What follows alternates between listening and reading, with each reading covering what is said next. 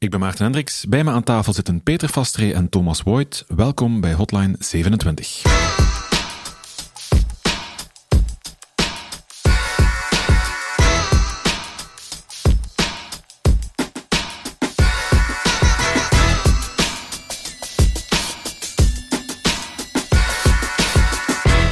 Stond een tijd geleden een heel interessant artikel op Vice over self-hosters. Mensen die blijkbaar uh, thuis zelf aan de slag gaan met onder andere Raspberry Pi's en dingen en uh, zelf hostingbedrijfje gaan spelen. Dat is natuurlijk een reactie op Big Tech, Amazon, Google en, en dergelijke. Want we willen daar vanaf, of zij willen daar vanaf, om de een of andere reden. Uh, Peter, we gaan eens eerst kijken naar, naar Big Tech. Wie of wat is Big Tech? Ja, Big Tech of internetgiganten, dat zijn een kleine groep techbedrijven. Dus dat is niet nieuw. In de jaren 90 of zelfs daarvoor hadden die ook. Toen was dat Microsoft, Oracle, Intel, Cisco, Dell.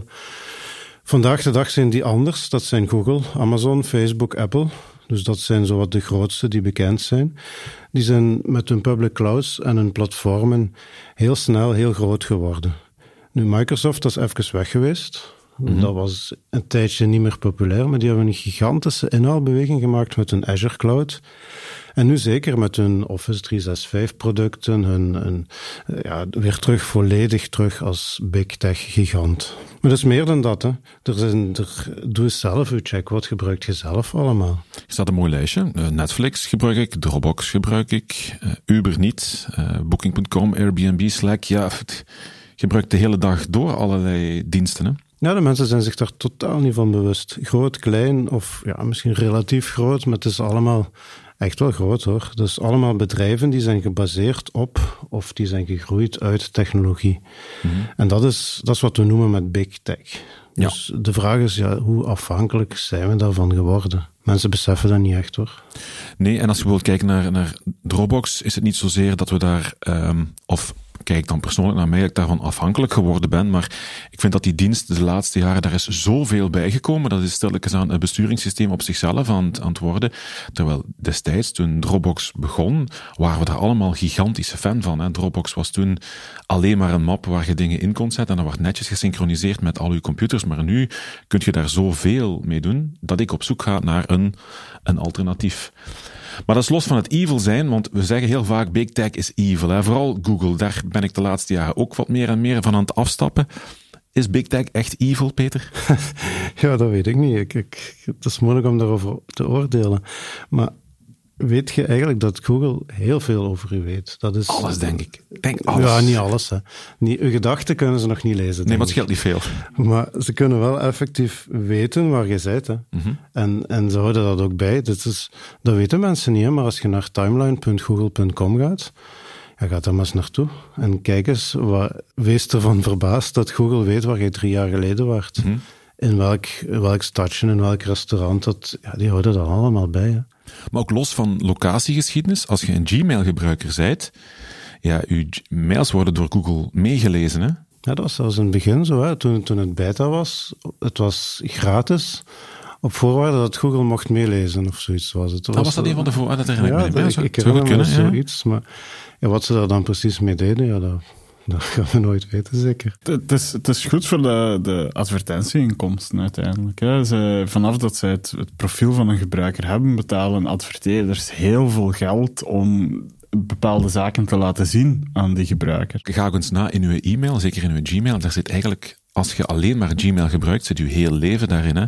Alles wat je online aankoopt, al die ontvangstbewijsjes, dat komt allemaal in Gmail terecht. Hè? Ook als je dingen van de overheid krijgt, nu, uh, het staat ook allemaal in uw Gmail, dus ze weten in principe alles van u. Hè? Ik weet wel niet of ze het mogen weten. Daar heb ik geen, geen zicht op. Ik, ik weet, Facebook weet, weet bijvoorbeeld ook heel veel over u. Die houden een profiel over u bij. Mhm. En dat is natuurlijk allemaal voor de adverteerders. Want voor de adverteerders is het heel leuk. Wij adverteren ook op Facebook. Is het heel leuk om te zien, om heel gericht uw, uw advertenties te kunnen posten. Hè, naar iemand van tussen de 30 en de 22, 32 jaar. Uh, mannelijk, blank, dat soort dingen. Dat kun je dat, ja, blank misschien niet, maar er zijn zo'n paar. Je kunt echt heel, mhm. heel gericht gaan gaan doen. En ja, dat is, dat is de waarde van Facebook. Hè. Facebook is gratis. Maar het is de, ja, je betaalt met je data. Jij zit het product dan, hè? Ja, ja. Als En de dienst gratis is, is de klant het En product. voor bedrijven is het natuurlijk wel interessant dat je zo gericht kunt adverteren. Hè? Ja. En ze zeggen ook wel dat die reclame dan beter zou werken. En dan kun je de discussie gaan voeren, is het dan misschien, is die reclame voor u als eindgebruiker ook niet interessanter? Want die is veel gerichter natuurlijk. Nou, in principe is die reclame interessant voor u. Mhm. En dat is ook wel zo, want als ik op Facebook de reclame zie die ik krijg, ja, dat is heel veel, dat is heel gepersonaliseerd naar mij toe. Vind je dat leuk, ja of nee? Dat weet ik niet. Als je dan nog eens alles in Google Drive gaat zetten, ja, ik denk bijvoorbeeld aan, we gaan eh, alle facturen die we hebben, gaan we inscannen en Google Drive zetten, wat ik een tijd gel- geleden gedaan heb. Maar ik ben daar nu ook wat van aan het terugkomen, want ja, Google kijkt natuurlijk mee. En dan gaan we zelf proberen een aantal dingen te doen. En dan worden we zelf-hoster. Bijvoorbeeld met een Raspberry Pi gaan we dan aan de slag. En dan kijken we bijvoorbeeld naar Thomas. Is dat iets waar jij achter staat? Zeg van, jongens, laat u helemaal gaan. Je komt uiteindelijk toch terug eh, bij de professionals terecht. Nou, ik hou van knutselen. Dus ik ben volledige voorstander dat mensen zelf dingen, eh, zaken proberen. Eh, s- services is allemaal leuk, maar uiteindelijk blijven we IT'ers en we willen toch ergens, eh, ergens begrijpen hoe werkt dit en, en k- kunnen we dit zelf doen. Eh, het is ook binnen level 27 altijd wel een discussie die bovenkomt. Kunnen we dit niet zelf doen? Ehm, ja, ik, ik ben volledige fan. Ja. Doet je zelf zo'n dingen waar je zegt van, kijk, dat is iets wat een echt... eh, ik ben een self-hoster. Eh, ja, Thomas doet niks anders dan knutselen en zelf dingen bouwen. Dat is, dat is gewoon zo. Dat is, dat is natuurlijk het voordeel van een aantal datacenters te hebben binnen jouw onderneming. Ehm, ja, ik, ik zet met enige regelmaat wel een servertje op voor een, voor een eigen project of voor eh, even iets uit te proberen. We hebben ook nog binnen Level 27 een heel groot testplatform, omdat we natuurlijk alles wat we van software bouwen en releasen, testen we op voorhand. Eh, dus eh, ik zie ook wel bij het personeel dat testplatform ook soms wel voor privézaken wordt, eh, iedereen- wordt gebruikt. Dat mag ook, iedereen mag daarop eh, spelen, om het zo uit te drukken. Testplatform is testplatform, maar iedereen mag prullen daarop. Hè. Ja. We Ja. zijn een bende knutselaars wat dat betreft. Ja. Maar dat heeft ook zijn voordeel natuurlijk, want zo leert je heel veel, denk ik. Ja, ja, want uiteindelijk, ja, als, als we nu een aantal services bekijken, als je, als je praat over storage vendoren, eh, ja, je, je kan ergens een mooi shiny storage box gaan kopen bij een, een, een bedrijf met een grote naam van twee of drie letters. Eh, dat zijn zo wat de meest. Of je kan, uiteindelijk ja, is het toch veel interessanter te begrijpen hoe werkt dat? Eh, hoe, hoe maken zij die dienst. En dan leer je ook van, ja, eigenlijk gelijk welke vendor dat je neemt of, of dat je het zelf bent. Het is allemaal hetzelfde. Het komt dan neer op de manier van de integratie, de support, alles daar rond. Eh, maar het is toch veel interessanter om de technologie die eronder ligt te begrijpen, dan ergens een webinterface te hebben waar je kan in rondklikken. Mhm. Hoe afhankelijk zijn jullie van big tech? En, en letten jullie daarop dat je zegt van, ik ga nu niet bij Amazon, ik ga die dingen zelf eh, in elkaar steken? Want die heeft ook nadelen, want je moet er natuurlijk veel meer energie in steken. Nou, dat hangt er vanaf of het voor onszelf is of voor de klanten. Ja.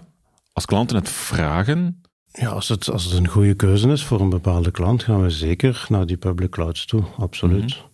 Maar het is niet altijd een goede keuze. Nee. Dat is iets wat je moet afwegen natuurlijk. krijg je nu tegenwoordig vaker de vraag om niet naar die public cloud te gaan, maar de dingen volledig zelf in handen te nemen? We zien soms wel bij, bij sommige klanten die, die zijn naar de public cloud gegaan en het idee, er is een, een trend geweest van alles moest cloud zijn, ongeacht wat het was.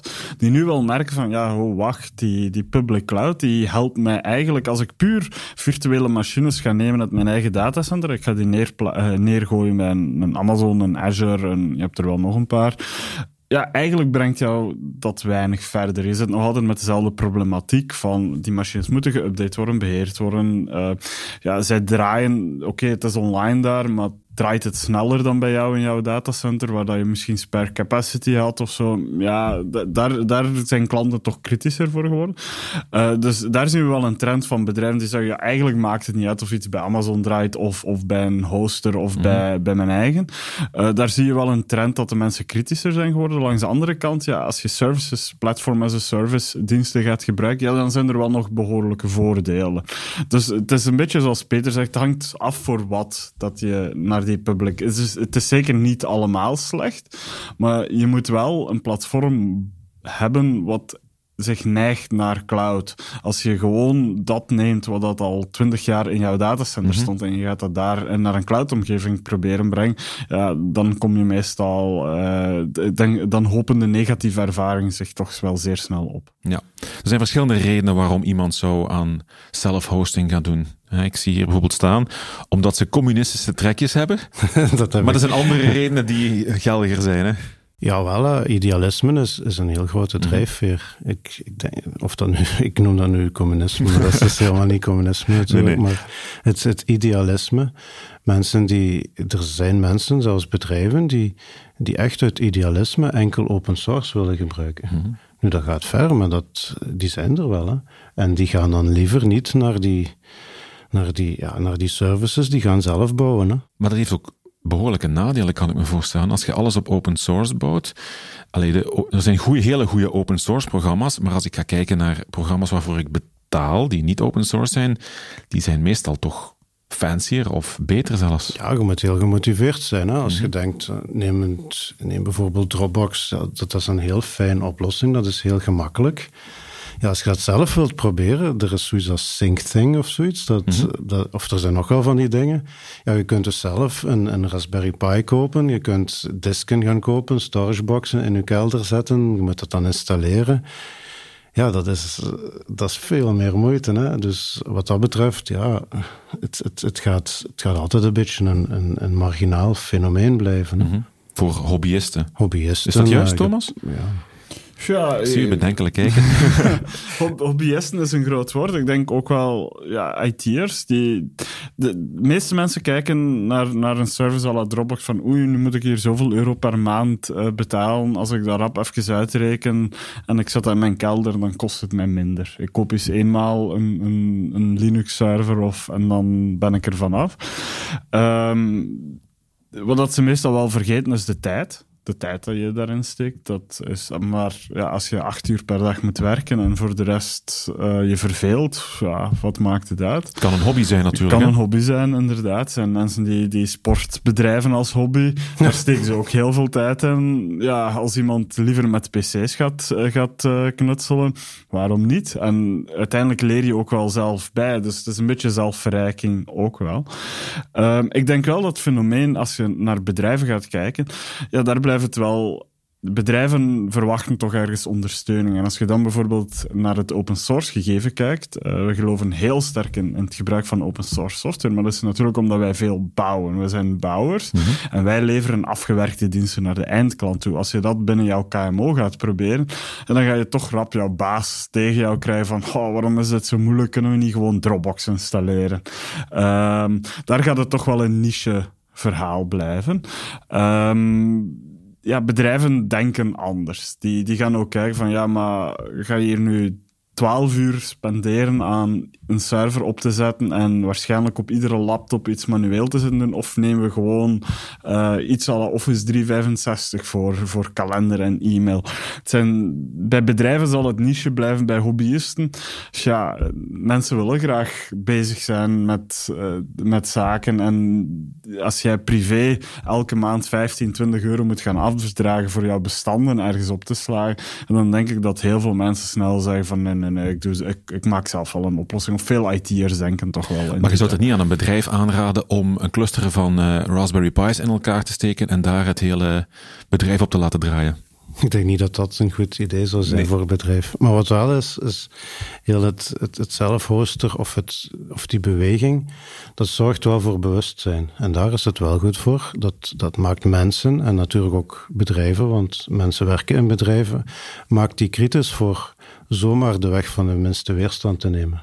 Daar is het wel, is het wel goed voor natuurlijk. Voor privépersonen wordt het ook al snel, denk ik, eh, je gaat veel abonnementen hebben. Hè. Uw eigen Netflix hosten kan ook, maar dan zit je al in de illegaliteit heel vaak te werken om aan al die bestanden te komen. Er wordt wel veel gedaan nog steeds. Hè? Ja, je hebt Plex bijvoorbeeld, hè, op, eh, op de Synology is een hele leuke om... eh, maar ja, wie gaat nog dvd's rippen in deze tijd? Ja, ik denk dat er andere wegen zijn om aan die files te geraken. Hè. Maar dat is natuurlijk illegaal, al zien we wel dat, dat veel mensen het doen. Want ja, als je een bepaalde film wilt zien, soms moeilijk, hè, welk streamingplatform moet het nu zijn? En dan is dat net niet in België beschikbaar. Ja, pech voor die film te zien. Hè. Ja. Maar ook qua prijzen, als, als je op alles een abonnement moet gaan uh, nemen, en tegenwoordig zelfs bij Google moet je voor een aantal dingen nu gaan betalen. Vroeger was het allemaal gratis. Als je nu veel opslag nodig hebt bij Google Drive, moet je ervoor gaan betalen. Ja, als, als je gaat kijken naar fotocollecties, ik denk dat is, dat is een, een concreet probleem dat veel mensen hebben. Een gsm staat vol en tot een bepaald, uh, tot een bepaald volume werken die clouddiensten en is het allemaal gratis. Maar ik denk nu tegenwoordig zelf bij, bij Google dat je boven de 20 gigabyte of zoiets moet, moet gaan bijbetalen voor ja, foto's op te slaan. niet van buiten, maar... Uh, ja, dan, dan beginnen mensen rond te kijken naar alternatieven. Als je dan een beetje handig bent, denken van, ah ja, maar ik heb hier op internet iets gevonden en dat wil ik eens proberen. Ja. Je moet natuurlijk wel wat zin hebben om, uh, om te beginnen knutselen in je vrije tijd en ook dat allemaal te onderhouden. Dus het is ofwel comfort en dan betaalt je ervoor, ofwel gaat je zelf met bepaalde dingen aan, uh, aan de slag. Is het gerommel in de marge of kan het serieuzer worden? Ja, eh, gerommel in de marge is, is, is moeilijk. Als, als we gaan kijken naar zelf de begindagen van Big Tech, een, Google, is... is ik, ik, ben ooit in Amerika in een museum geweest en daar stond dan de eerste Google Rack. Wat op zich gewoon iets zelf geknutseld was met moederbordjes onder elkaar. Ja, ze zijn zelf ook wel zo gestart. Dus vanaf dat je uiteindelijk, het is niet, ze hebben geen product, hun product is geen afgewerkte serverfarm. Dat verkopen ze niet. Ze verkopen een bepaalde dienst. Ik denk binnen bedrijven die services bieden, ja, als, als je een sterk concept hebt, de mensen kopen uiteindelijk de applicatie, kan het wel iets zijn om bijvoorbeeld jouw kosten onder controle te houden, schaalbaarheid te garanderen. Want vanaf dat je met, met andere commerciële platformen gaat werken, word je soms wel beperkt in wat dat je kan doen. Uh, ik denk dat het daar wel een noodzaak is. Ook richting concurrentie. Ja, als je een standaard oplossing gebruikt, ja, dan kan ieder van jouw concurrenten identiek hetzelfde voor 5% minder aanbieden. Uh, dus daar is het wel belangrijk. Ik denk binnen, binnen de privé, ja, als, als bij de knutselaars, je moet dan eerst al de ruimte hebben. Je moet de tijd hebben. Er zijn andere oplossingen. Het hoeft niet per se in jouw kelder te staan. Je kan ook naar bijvoorbeeld een OVH gaan, die uiteindelijk ook moederbordjes op ijzeren lades in Als ze niet in, brand staan. Als ze niet in brand staan, maar uiteindelijk is het, is het wel een toegankelijke manier om een eigen fysieke server ergens op internet te krijgen. Want uiteindelijk wordt heel veel marketing gedreven rondom cloud. Maar als IT'ers weten we natuurlijk beter en weten we dat cloud gewoon massa hardware, gewoon een hele hoop aan computers is die ergens anders staan. Ja. Um, jullie voelen zich nog niet bedreigd door uh, al die self-hosters? Nee, we voelen ons niet zo snel bedreigd. Oké.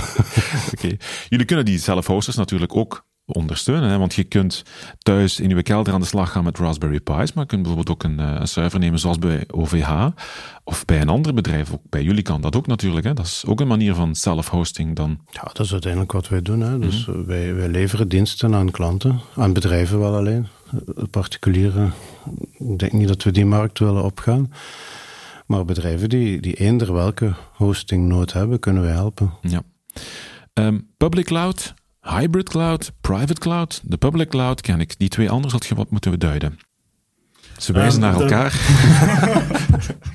dus die, uh, dus die, die public cloud, daar hebben we het inderdaad al over gehad. Uh, de private cloud, ons van onder in de keten beginnen. Private cloud wil eigenlijk zeggen van, ja, je bouwt een eigen omgeving alleen voor één specifieke klant of één specifieke onderneming. Een fysieke omgeving. Een fysieke, mhm. ja. Um, en ja, of dat dan een virtualisatie is of niet, dat maakt al, al weinig uit. Als we over, over data, als we praten over, over opslag, kan het ook iets anders zijn. Maar je gaat alleszins een heel specifieke omgeving gaan bouwen voor één klant en alle kosten ook richting die ene klant brengen. Bij de klant zelf? Bij de klant zelf of een datacenter van de klant. Hybrid cloud gaat eigenlijk de twee gaan combineren. Dan gaan we die public cloud en die private cloud gaan koppelen met elkaar, zeg maar. Die private cloud, gebeurt dat veel? Ik denk, uh, het hangt een beetje af van de grootte van de onderneming. Bij de heel grote bedrijven, ja, die hebben eigen datacenters. Logisch. Uh, dat is logisch. Ook die een IT-noden als, als, je al, als je al tien jaar bezig, uh, 10, 15 jaar lang datacenters uh, vult, dan staan daar ook dingen in die je niet naar die publieke cloud kan brengen. Uh, dus binnen die grote bedrijven, er is wel een beetje een trend naar public cloud. Uh, en, en de meesten hebben ook wel zoiets als een cloud-first strategie. maar ja, die, dat die zijn echt heel grote bedrijven, hè? dus gelijk, ja, noem eens iets echte multinationals. Hè. Mm -hmm. Dus dat zijn niet, uh, geen kleine Belgische bedrijven meer. Die echt datacenters bouwen zelf. Volledig fysieke datacenters die alleen voor het bedrijf zijn. Ja. Die langs de andere kant aan de KMO-zijde zien we toch nog veel servers onder de bureaus staan. En ja, is dat dan cloud? Ja, dat is, Cloudje. Cloud, heel klein cloudje, zonder redundancy, zonder, zonder veel veiligheid. Maar daar, daar wordt nog heel veel in termen gerekend van capex. Hè. Ik investeer nu eens 3000 euro in een server voor onder de en ik schrijf die in mijn boeken en dat brengt weer wat mee aan mijn onderneming. De, de, dat is iets wat daar ook eigenlijk niet zal weggaan. Die, die kijken nog altijd op tegen, tegen een operationele kost. Los van de voordelen. Ze zien, ah ja, als ik deze server nu naar de cloud breng, kost mij dat zoveel euro per maand. Ja, echt, cloud kan je dat niet noemen. Um, die, die private, ik denk het speelde hem echt wel voornamelijk binnen de multinationals, waar je of binnen de medische sector zien we hier en daar ook wel nog wat ziekenhuizen, mensen die, die heel kritische data verwerken, veel persoonsgegevens hebben, ja, die gaan minder geneigd zijn naar een public cloud toe te stappen en die gaan eerder een eigen private cloud bouwen. We zien ook wel dat hardware vendors daar zich op aangepast hebben. Een, een, een server-vendor weet van oei, ik ben mijn markt aan het verliezen, dus ze gaan modellen creëren waardoor dat je als onderneming maandelijks gaat betalen voor de fysieke hardware in jouw bedrijf. Ja, de, de, de private cloud bestaat zeker. Het mag soms ook simpelweg niet. Hè. Ik hoorde van het uh, departement onderwijs, die mochten niet hosten op, uh, op AWS, omdat de data dan naar de Verenigde Staten ging. Ja, ja omdat natuurlijk die, die grote die, die hyperscalers in de cloud, die die, ja, die gaan niet bezig zijn met de Belgische wetgeving. En GDPR blijft iets wat per land anders geïmplementeerd is. Dus het, het kan in theorie waarschijnlijk wel om naar een andere Europese cloudspeler te gaan. Maar zelf vanuit België, als je uh, moet gaan kijken, we hosten iets in Nederland. Ja, op GDPR-niveau is dat niet eenvoudig als je met veel persoonsgegevens zit. op, die, die echte hyperscalers die wij die populair zijn. Ik spreek over AWS, Google en Azure die zijn allemaal Amerikaans. Dus die hebben wel datacenters hier in Europa. Maar de bedrijven zelf zijn Amerikaans. Blijven dus onderhevig aan de Amerikaanse wetgeving, bedoelt je? Ja, ja. ja dus dat blijft wel. Is cloud altijd goed koper? Want je zegt ja, we gaan een eigen server onder het bureau zetten, die kunnen we afschrijven in eenmalige kost. Ja, dat is altijd het goedkoopste. Hè? Ja. Ik koop één server voor 3000 euro, ik zet die onder mijn bureau, maar meestal staan die niet in de bureaus, die staan nee, meestal in de kelder in een, een of ander stof. Waar wat water aan kan. ja, ja, ja, ja. Dus dat is altijd het goedkoopste. Alleen vergeet je dan natuurlijk heel veel diensten. Hè? Een, een backup, een, het beheer. Dus dat wordt heel veel heel veel vergeten in dat soort situaties. Dus dat is nooit de beste optie om iets in uw bureau of in uw kelder te zetten. Dus dan gaan we niet volledig publiek, dan gaan we hybride werken. Ja, en, en, dat is een trend die, die zie je heel veel gebeuren. De eerste stap voor veel bedrijven was bijvoorbeeld al Office 365. Microsoft, niemand de dag van vandaag... Onvermijdelijk, hè? Ja, niemand de dag van vandaag wil nog een Exchange server draaien. Um, en dan moet er Teams bij. en, en langzaam... Nee, dat is erbij, dat doen ze. Nee, dat is hè? Man, man, man. dus, uh, met, het is wel iets van... Dus, beheerders hebben altijd gevochten met Exchange. Daar moeten we heel eerlijk in zijn. Mm -hmm. Het was Exchange is de maildienst, de mailserver van Microsoft. Hè? Dus je kunt zelf een eigen Office, mini-Office 365 maken. Vroeger was dat er alleen. Nu is het ook die Office 365, dat is gewoon eigenlijk Exchange as a Service. En, en het is iets, ja, al die beheerders hebben daar jarenlang mee gevochten. Microsoft heeft daar iets opgezet wat ook licentietechnisch interessant want, uh, was. Want dat is natuurlijk hun, hun truc een beetje om de mensen naar cloud te duwen, is spelen met de licentiekosten. Uh, maar dat is iets, bij de meeste bedrijven is dat ondertussen richting public cloud gegaan. En dat is de eerste stap richting een hybrid infrastructuur, want dan, begint de vol dan komen we tot de volgende vraag. Ja, maar we willen dat die koppeling automatisch is. En dan begin je met uh, Active Directory synchronisatie naar Microsoft. En zo zie je toch langzamerhand dat, hybrid, dat een hybrid omgeving bij de meeste bedrijven erin komt. Uh, zelf al hebben ze nog een eigen AD en file server op kantoor staan, is er al die eerste koppeling naar die Microsoft Azure Cloud. Uh, en de volgende stap is dan heel simpel ah ja, we moeten ergens een, een website voor weet ik veel, ons techniekers uh, online houden. En dan wordt dat heel snel in Azure gedeployed. En dan ben je echt bezig in de hybrid trend. Maar je kunt bij Microsoft uh, 365 kun je eigenlijk alles doen, als ik het zo begrijp. Klopt dat? Ja, wat is alles? Ja, je kunt daar een website hosten, je kunt daar bestanden gaan delen, je kunt, e-mail zit er natuurlijk in. Uh... Ja, SharePoint, uh, de, de, hele boel zit erin. Ja, ze proberen u echt wel als bedrijf helemaal naar u toe te trekken. Hè? Heeft dat nadelen of alleen voordelen? Goh, dat is gelijk vroeger. In de jaren tachtig was Oracle de, de, de. Dus omdat iedereen daarin zat. Daarna zijn ze meer, is de PC gekomen. Dus alles kwam meer op PC's terecht. Ja, nu is het weer terug richting, richting die grote diensten. Oh ja, dat is, is dat goed of slecht? Ik, ja. Zijn er nog andere voorbeelden van hybrid cloud, los van uh, Microsoft als bekendste voorbeeld natuurlijk? Hè? Ja, wat je soms wel bij bedrijven begint te zien is dat uh, bijvoorbeeld uh, dat zijn serverfarms bepaalde capaciteit. Als, als je bijvoorbeeld elke nacht een of andere grote berekening gaat uitvoeren. Ja, je koppelt jouw eigen datacenter aan dat van, van Amazon. En je koopt spot instances. Dus je, je kan capaciteit kopen die op die moment goedkoop beschikbaar is, omdat niemand ze gebruikt.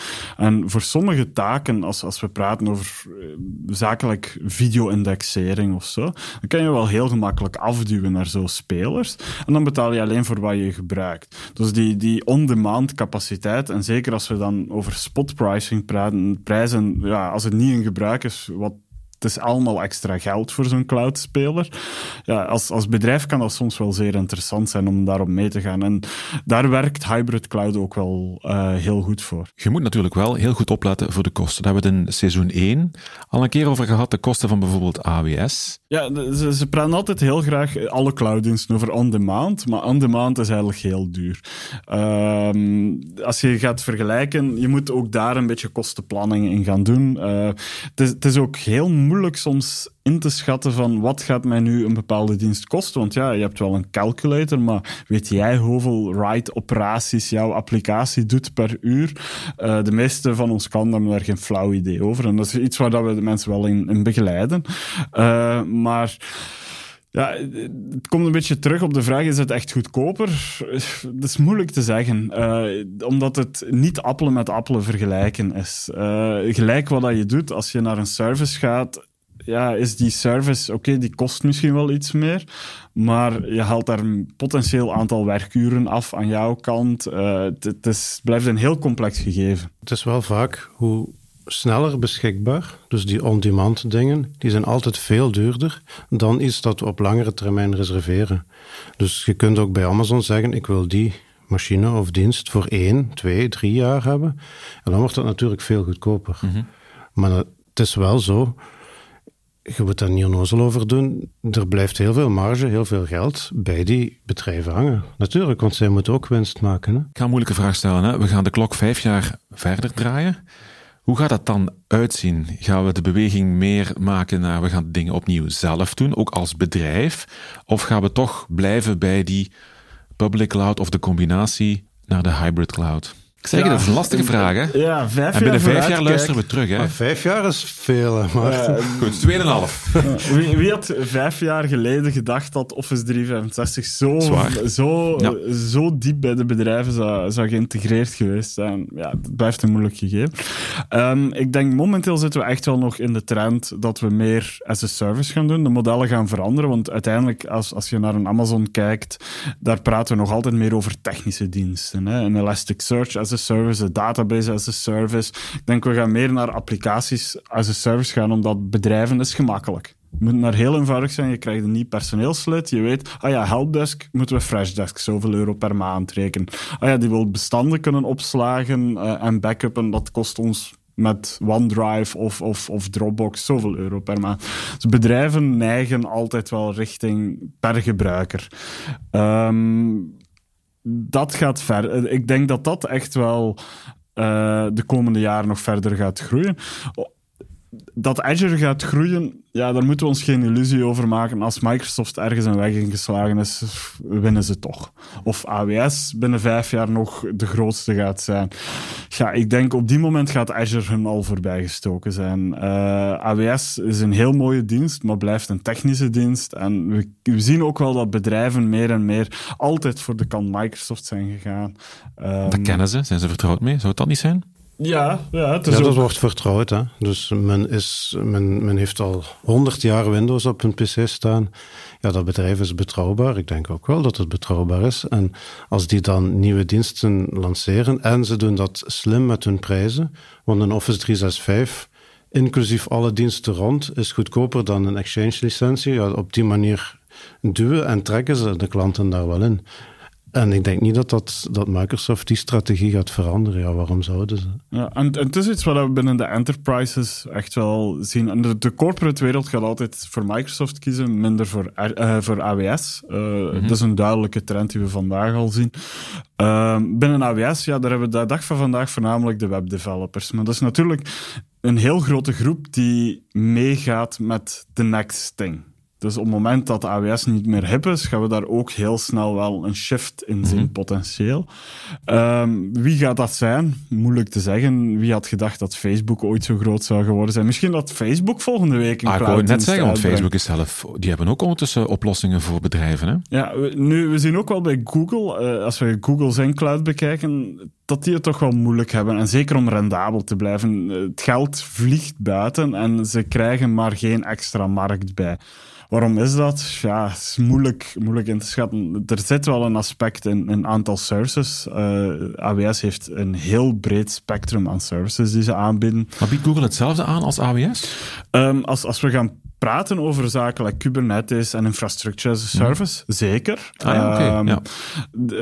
Google Cloud is, heeft wel op dat niveau, mag zeker wel vergeleken worden met, met een AWS. Um, als we dan verder gaan kijken naar services, ja, queue services, uh, mail services, alles wat AWS daar nog rondgebreid heeft, ja, daar zijn ze zeker nog niet. Um, ja, op de CDN's, eh, als, als we naar de CDN, de, de content distributiemarkt gaan kijken, ja, ooit was er alleen Akamai, dan zijn er wat andere spelers geworden. En je ziet toch, nu, nu is het Fastly en volgend jaar is het misschien iemand anders. Je ziet toch dat in die webwereld het, het shift allemaal veel sneller. Dus of AWS binnen vijf jaar nog, nog even groot of even populair gaat zijn als vandaag, misschien denkt iedereen van oei oei, oei dat is de nieuwe Oracle, ik zit hier met een mainframe en een vendor lock-in. Ja, dat weten we niet. Uh, dat durf, daar durf ik me niet over uit te springen. En wie dat het dan wordt, weet ik ook niet. Het is ook heel lastig om daar afscheid van te nemen, denk ik. Als jij je heel bedrijf of grote stukken van je bedrijf op AWS hebt gehost, dat er allemaal terug afhalen. Dat, dat gaat niet, hè? want als je je applicatie gebouwd hebt op de services van AWS, dan kun je nooit meer weg van AWS. Mm -hmm. Of tenzij je een nieuwe applicatie bouwt. Maar wie, ja, als jij vijf jaar aan een applicatie ontwikkelt, vergeet het dat je daar ooit van afgaat hè, als bedrijf. Hetzelfde met Office 365. Hè? Ja, Office, er komt zoveel ja. data in. Ja, dat is nog migreerbaar. Hè? Als, als je van Office 365 naar Google zou willen of andersom, dat zijn dingen die... Dat is doenbaar. Ja, doenbaar. een lange traject. het is een hoop miserie, maar het kan. Het is, het is een hoop miserie, maar het is wel data die je kunt... Daar gaat het over data die gemoved kan worden naar een gelijkaardige dienst. Maar als je applicatie gebouwd is op die services van AWS, gelijk mm -hmm. de Queue, gelijk de Elasticsearch, gelijk al die dingen, ja, dat is onmogelijk om te veranderen. Dat gaat niet. En daar zie je ook wel dat like de Elasticsearch. Vroeger was dat een gewone standaard Elasticsearch, maar dan is daar wat discussie in gekomen, om het proper te zeggen. En ondertussen is dat een Amazon fork. En ja, in, in het begin waren die features allemaal hetzelfde, maar langzamerhand zie je toch dat Amazon wat eigen ontwikkeling erin steekt om een aantal features te hebben die anders zijn dan de publiek beschikbare versie. Zij bewegen ook wel af en toe richting die vendor lock-in dat is niet per se met slechte bedoelingen, denk ik. Ik denk ook wel dat zij technologisch heel sterk denken van, mm -hmm. ja, als we dit doen, kunnen we onze klanten echt wel vooruit helpen. Maar dat maakt het niet gemakkelijk, zoals Peter zegt, om data eruit te halen. Maar dat is ook niet de bedoeling. Als je kiest voor AWS met heel die services, kiest je daarvoor. En ik merk ook wel, die public cloud, dat is nu wel volwassen geworden. Mensen kiezen daarvoor omdat ze dat willen. Omdat ze ook de voor- en hopelijk ook de nadelen wel kennen. Om af te sluiten, wat zou je adviseren aan bedrijven die uh, zeggen van ik heb een hoop servers nodig om mijn klantgegevens of bijvoorbeeld mijn bedrijfsgegevens op te slaan? Ik veronderstel niet het servertje onder uh, het bureau van de CEO, maar wat dan wel? Onder het bureau van de secretaresse misschien. Nee, nee ik denk het, het, belangrijkste advies dat je kunt geven is informeer u of laat u informeren door specialisten en doe het dan pas. Kies dan Kies dan op basis van wat je nodig hebt. Een, een, kritische blik is, is belangrijk. Er wordt altijd wel gezegd van ja, vroeger was het uh, iemand die IBM kocht, kon nooit ontslagen worden. Uh, we hebben zo'n trend binnen Gartner ook. Als je rechts van boven binnen het Gartner quadrant kiest, ja, dan kan je niks miskiezen. Maar ik denk toch wel een, ergens een kritische blik op wat dat er aangekocht wordt. Niet zeggen van hey, we gaan volledig voor cloud. Uh, cloud first klinkt leuk. Uh, al die verantwoordelijkheid naar ergens anders. Ja, zo werkt het spijtig genoeg niet. Uh, dat, dat, is een, dat is de hoop die veel bedrijven hebben. En dan twee jaar later denk je van, oh nee, dat was het toch niet. Dus een kritische blik is heel belangrijk en inderdaad laat je adviseren. En ik denk uiteindelijk, ja, je mag je moet ergens wel naar een hybride architectuur gaan mhm. kijken, waar dat je een beetje cherrypicking gaat doen van de, van de diensten. Van dit willen we nog zelf doen, dit willen we uitbesteden. Um, binnen de outsourcing ook alles naar één partij. De dag van vandaag is, een trend die, ja, die zie je ook eigenlijk binnen de grote bedrijven niet meer. Bedrijven gaan meer gaan kiezen per dienst wie dat de best match, de best fit is daarvoor.